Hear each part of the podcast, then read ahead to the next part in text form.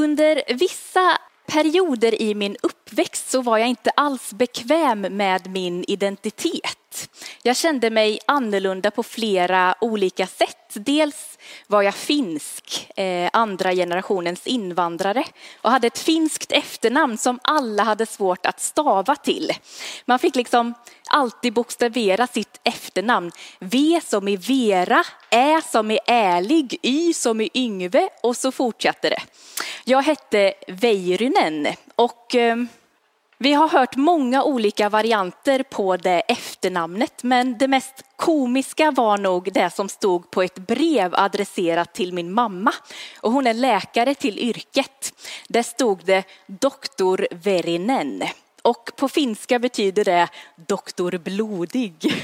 Lite läskigt va? En sån doktor vågar man kanske inte gå till. Eh, men inte nog med att jag var finsk, jag var också kristen. Och i min klass så var jag den enda, eller en av några få, som kallade sig kristna. Och att vara kristen och finsk, det, det utgör ju till stor del vem jag är. Så att försöka dölja det, som jag ju gjorde ibland för att passa in, det gjorde att jag förnekade den jag innerst inne var. Och eh, det här fick ju en del negativa konsekvenser. Idag är jag tacksam över mitt ursprung, så det känns skönt. Jag kommer att predika utifrån temat Vår identitet i Kristus. Och hemma hos oss så hänger det en blå tygkasse från Me and My House Store som är en ja, inredningsbutik på nätet som säljer ja, inredning med kristen touch kan man säga, eller kristna budskap. Och på den så står det älskad, värdefull, dyrbar och allmänt bra. Och jag tänkte när jag såg den att det här är en klockren underrubrik till mitt tema. Du är älskad, värdefull, dyrbar och allmänt bra. Vi lägger den här stunden i Jesu händer. Vi ber tillsammans. Tack Jesus för att du är med oss. Tack Jesus för att du alltid finns vid vår sida. Tack för att du vill oss bara väl. Jesus, jag ber att vi ska få sitta med öppna hjärtan nu och ta emot det som du vill säga och jag ber att du ska få lägga dina tankar i, min, i mig så att det är dina ord som jag förmedlar just nu. I Jesu namn vi ber. Amen. Vem är du? Vem är jag? Är jag de sakerna jag gör? Är jag en snickare, revisor, konstnär, lärarstuderande eller kanske arbetslös? Eller är jag de sakerna jag har uppnått i livet? Är jag de betyg som jag har fått? De medaljer och priser som jag har fått? Är jag de saker jag har gjort rätt eller definieras jag av de saker jag har gjort fel? Och hur är det med det som andra tycker och tänker om mig? Är jag allt det som andra säger att jag är? Eller är jag inget av det som de säger att jag är? Vem är jag? Hur jag ser på mitt liv påverkar hur jag kommer att leva, eller hur jag ser på mig själv påverkar hur jag kommer att leva mitt liv och samspela med andra. Och om jag är vad jag gör så måste jag alltid göra mer och uppnå mer för att känna mig älskad och värdefull. Och om jag är vad andra säger att jag är så måste jag ju alltid försöka se till att behaga andra människor. När jag läser min bibel så ser jag att det finns en annan dimension som vi kan lägga till vår identitet. Kanske rent av den viktigaste byggstenen för vilka vi är. Gud vill vara med och bygga din och min identitet. Men inte bara det, han vill även vara med och beskydda och bära din identitet så att den får vila i någonting som är så mycket större. Så även om våra yttre förutsättningar förändras eller någonting händer som vi inte rår på så kan vi ändå vila i vår identitet i Gud. I Galaterbrevet kapitel 4, vers 4-7 så står det men när tiden var inne sände Gud sin son, född av en kvinna och född att stå under lagen. För att han skulle friköpa dem som står under lagen och vi får söners rätt. Och eftersom vi är söner har Gud sänt sin sons ande in i vårt hjärta och den ropar Abba, fader. Det står att vi är Guds barn, att vi är hans älskade barn.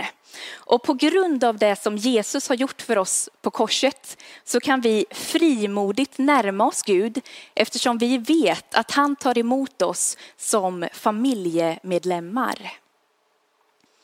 Och om vi läser i Efesebrevet kapitel 1, vers 3 och några verser framåt så står det Välsignad är vår Herre Jesu Kristi Gud och Fader. Han har välsignat oss med all den andliga välsignelse som genom Kristus finns i himlen. Liksom han före världens skapelse har utvalt oss i honom till att stå heliga och fläckfria inför sig i kärlek. Han har förutbestämt oss till att få söners rätt genom Jesus Kristus och förenas med honom. Det var hans viljas beslut till pris och ära för den nåd som han har skänkt oss med sin älskade son. Jag tycker att Efesierbrevet kapitel 1 och 2 talar så starkt om vilka vi är i Gud. Så jag vill bara uppmuntra er att läsa de här två kapitlerna. Där står det bland annat att i Kristus har du och jag fått nåd, fått frid. Vi är älskade, vi är adopterade som söner och döttrar. Vi har fått tro, vi har fått hopp, vi har fått Guds kraft. Vi har fått liv med Kristus. Vi har blivit förlåtna alla våra överträdelser. Vi har blivit skapade i Kristus Jesus för goda gärningar. Vi är försonade i Gud och vi har kommit nära Gud på grund av Jesu blod. Alltså det här är, det är nästan svårt att ta in känner jag. Det är ju helt fantastiskt. Men om vi är allt detta i Kristus, varför känns det ibland så svårt att verkligen förstå och låta dessa sanningar landa i våra hjärtan? Jo, jag tänker att en viktig orsak kan vara att Guds röst har försvunnit i myllret av alla andra röster. Och jag tror att vi är många som har hört att du blir som du umgås. Och jag tror att det ligger mycket i det. De som vi väljer att umgås med och lyssna till, spendera tid med, de kommer att influera oss och påverka oss på ett eller annat sätt. Så utifrån det så tänker jag att det är viktigt att ha en nära relation till Jesus så att jag får fyllas med hans tankar om mig. Och Jesus sa, mina får lyssnar till min röst och de följer mig. Men en främling följer de inte. Och Jesus uppmanar oss att inte lyssna till främlingens röst. Dock så tror jag att det är exakt det vi många gånger gör. Det finns så många olika röster ute i samhället som vill tala in lögner i våra liv och det är så lätt att vi lyssnar till dem. Ofta så fyller vi våra liv och våra tankar med andras andra människors tyckanden och tankar om oss så att vi riskerar att dränka den sanna rösten om vilka vi är. Låt istället Gud tala in sanningar i ditt liv. Låt Guds ord och hans tankar råda i ditt sinne. Låt din identitet bli baserad på vad Gud har sagt om dig.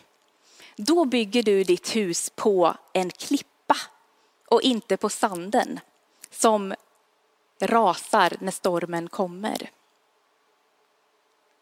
Och en viktig nyckel till hur vi kan hitta vår identitet i Kristus, det är genom förnyelsen av våra tankar. Och i Romarbrevet kapitel 12, vers 2 så står det, och det här är nya levande bibelns översättning. Följ inte världens värderingar, utan låt Gud ändra ert sätt att tänka, så att ni blir som nya människor. Då kan ni förstå vad Gud vill, vad som är rätt, vad som glädjer honom och som är fullständigt gott i hans ögon. Men hur kan vi låta Gud förändra vårt sätt att tänka?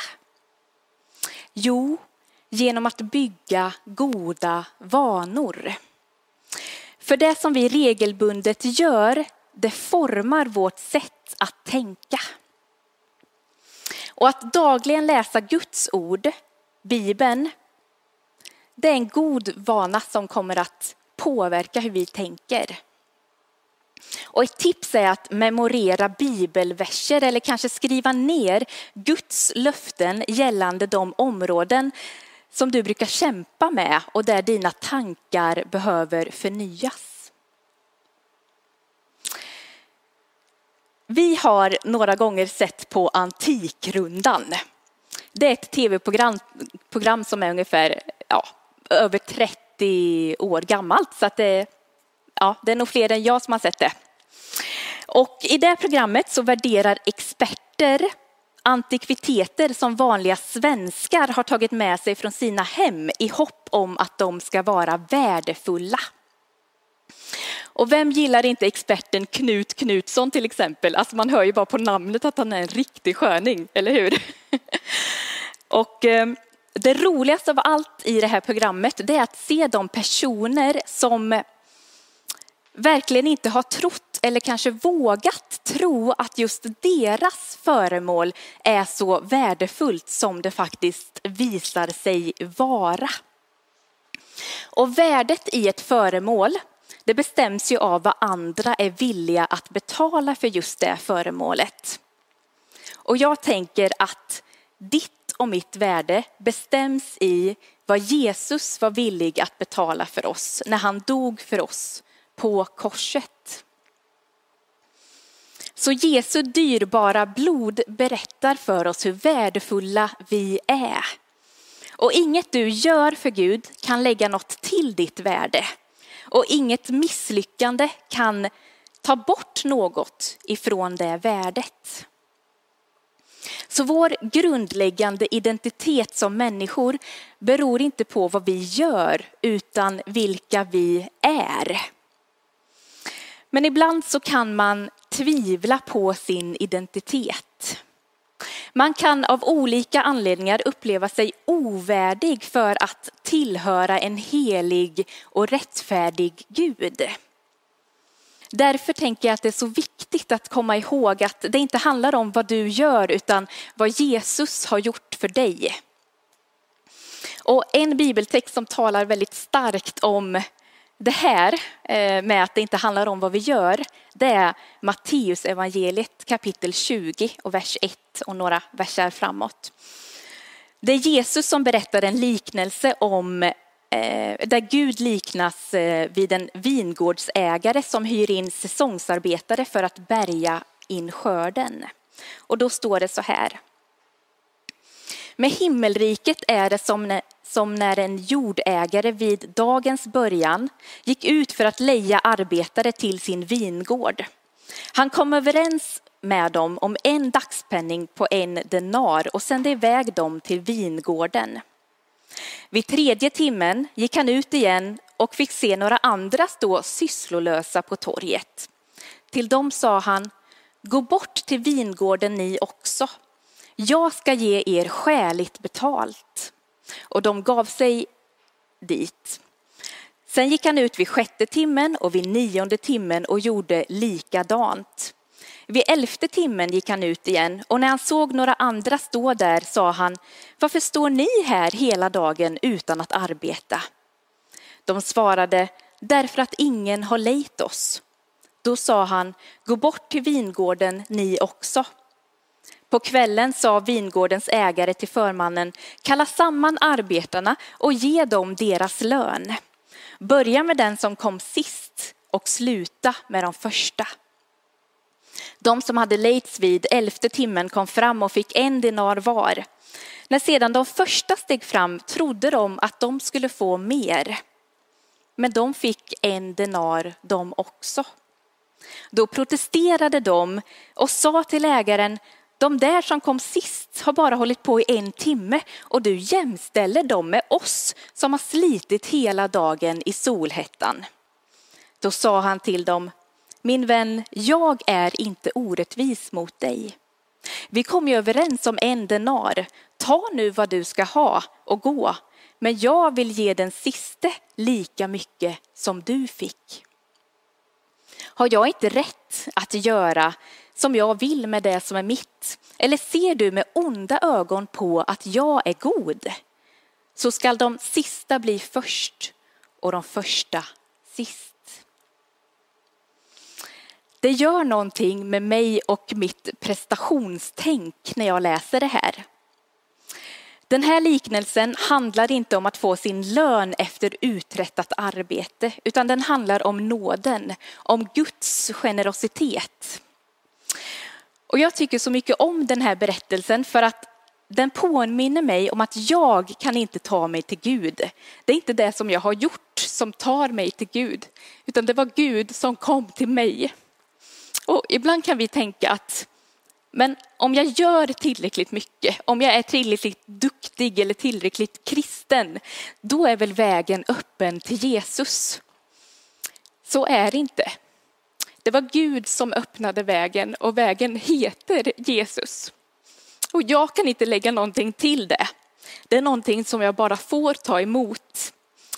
Men när vi tar emot Guds nåd när vi låter oss älskas av Gud så kommer hans kärlek att förvandla oss allt mer så att vi också gör goda gärningar. Det vill han och det älskar han. I höstas så var vi på ett personaldygn på Väg, Vägsjöfors herrgård. Det är ett jättefint ställe eh, som ligger nära Torsby och Hovfjället. Och i matsalen på herrgården så eh, såg man en tavla eh, som var ritad helt i blyerts eh, på en liten flicka. Och när man gick förbi den så tänkte man att ja, men det var en fin tavla och eh, man beundrade konstnären som hade kunnat eh, rita den här flickan så levande med hjälp av bara blyerts. Men när jag gick närmare tavlan så såg jag någonting som fick mig att rysa och mina ögon fyllas med tårar. I den här lilla flickans ansikte så återspeglades Jesu ansikte. Eller i den här lilla flickans ögon så återspeglades Jesu ansikte. Så när man såg in i flickans ögon så såg man Jesus. Och den här tavlan talade väldigt starkt till mig och där och då fylldes jag med en stark bön och längtan. Gud, lär mig att leva på ett sådant sätt så att ditt ansikte återspeglas i mina ögon. Lär mig att bli mer lik dig så att när andra ser på mig även ser dig Jesus. Och det fick mig även att tänka på vilka avtryck som jag gör i denna värld? Och det kanske är en fråga som fler eh, behöver ställa sig ibland. Vilka avtryck gör du och jag i denna värld? Vilka avtryck skulle du vilja göra? Och eftersom vi är skapade till att vara Guds avbild så kan vi även fundera på vilka avtryck gjorde Jesus? Nu kanske du och jag får lite ångest och tänker, men vad har jag gjort för avtryck? Hur ser Gud egentligen på mig och mitt liv? Då vill jag att du ska veta att Gud ser på dig som sitt barn. Gud ser på dig som sitt älskade barn. Och vissa saker som du har gjort och jag har gjort kanske inte kanske var mindre bra. Men han älskar dig och Jesus har dött för dig. Till sist, kommer ni ihåg det som vi läste i början av den här predikan? Att Gud har sänt oss sin sons ande i vårt hjärta och den ropar Abba, fader. Tack Gud för att du tar emot oss som dina älskade barn. Det är vår sanna identitet. Amen.